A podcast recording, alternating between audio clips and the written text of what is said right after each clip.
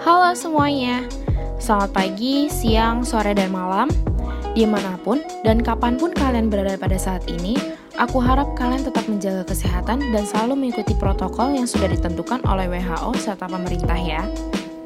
Sebelumnya, selamat datang di podcast pertamaku. Saya Jesinda dan pada kali ini kita akan membahas mengenai masker kain.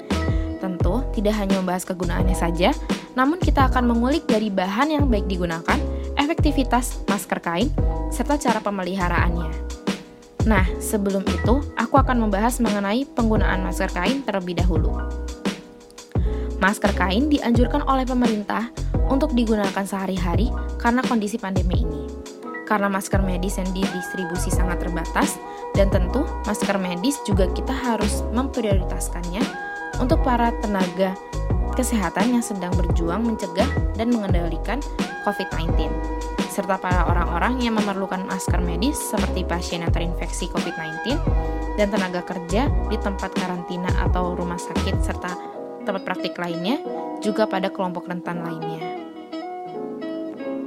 Menurut WHO, dalam artikelnya berjudul Anjuran mengenai penggunaan masker dalam konteks COVID-19, mengatakan bahwa virus COVID-19 ini memiliki dua cara utama dalam penularannya, yaitu yang pertama melalui percikan atau droplet, dan yang kedua yaitu melalui percikan atau droplet dari saluran pernapasan yang terinfeksi virus COVID-19 dan kontak dengan benda yang terkena percikan tersebut. Oleh karena itu, lingkungan orang yang terinfeksi juga dapat menjadi sumber penularan.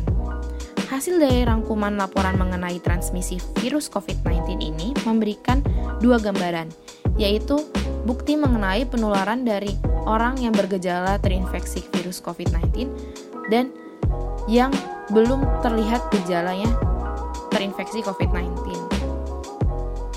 Jangka waktu inkubasi COVID-19 sekitar 5 sampai 6 hari hingga muncul gejalanya atau bisa juga sampai 14 hari.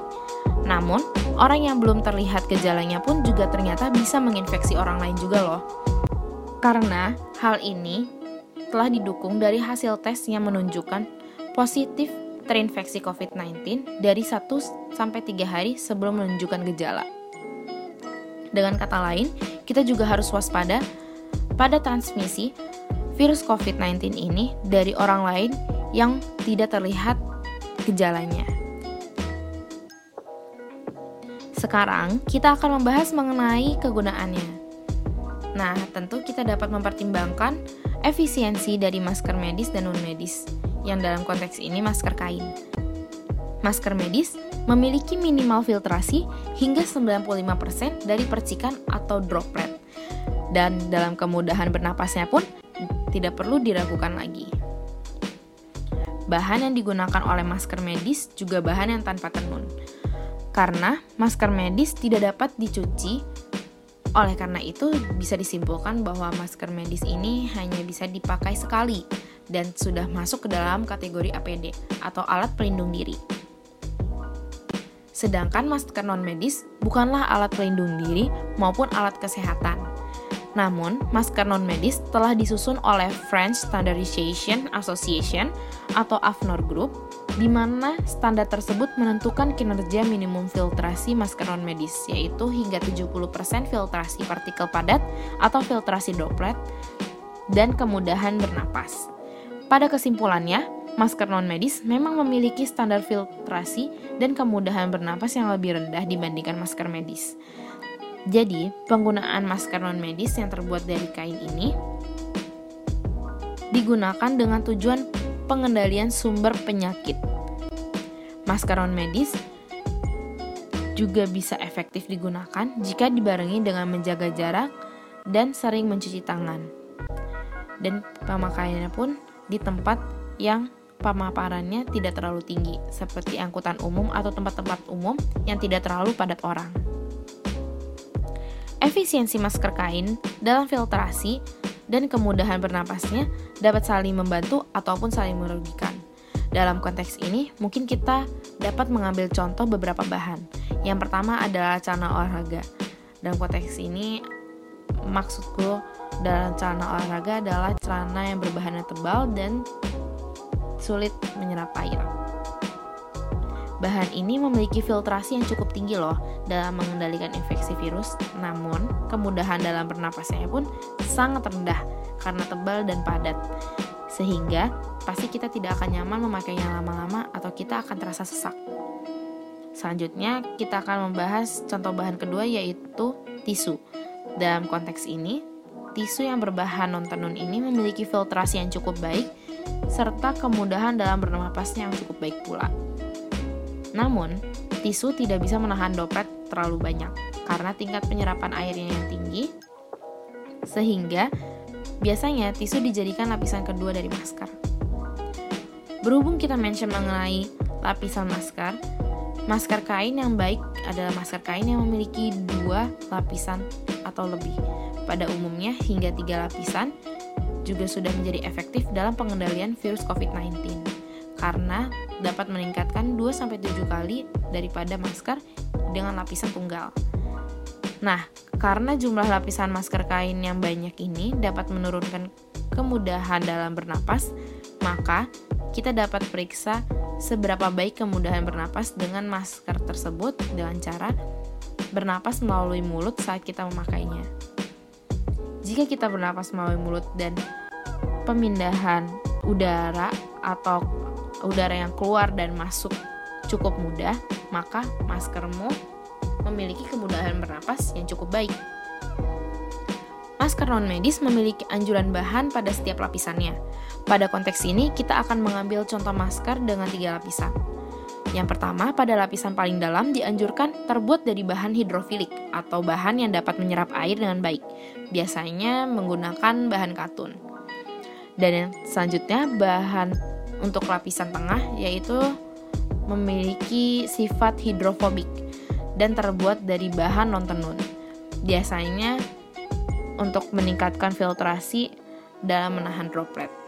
Di sini juga kita bisa menyelipkan tisu menjadi bahan untuk lapisan tengah.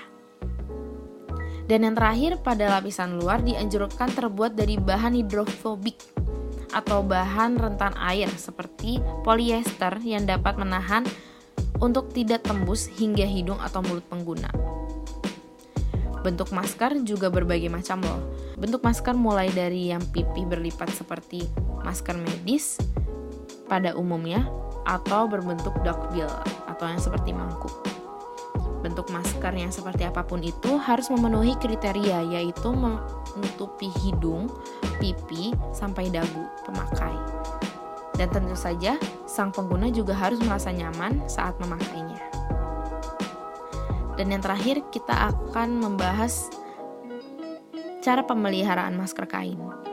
Perlu ditekankan bahwa masker kain tidak bisa digunakan secara bergantian ya, atau alias pinjam meminjam.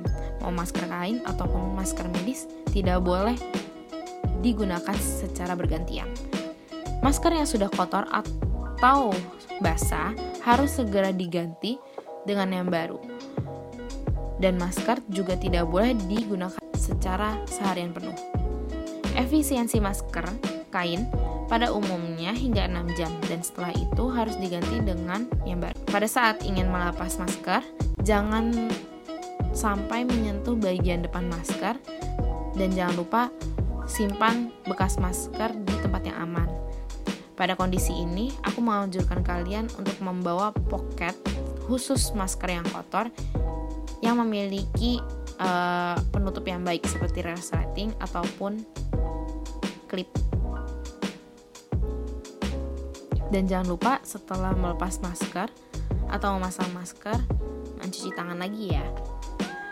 Masker non medis ini juga memiliki tata cara dalam mencucinya. Dalam hal ini, seharusnya masker non medis dicuci dengan air panas. Namun, karena tidak semua kain dapat bertahan pada air panas, maka diberikan opsi lain yaitu mencuci masker dengan direndam selama satu menit dengan larutan klorin 0,1% dan bilas dengan air bersuhu ruangan ataupun direndam dengan air panas selama satu menit setelah dicuci dengan deterjen. Sekian dari aku. Semoga informasinya bermanfaat. uh, jangan ragu untuk memakai masker kain karena masker kain juga cukup efektif untuk kita yang masih sehat dalam pengendalian infeksi virus corona ini. Silahkan share podcast ini kepada orang-orang yang menurut kalian membutuhkan informasi ini dan sampai jumpa di lain waktu. Dadah.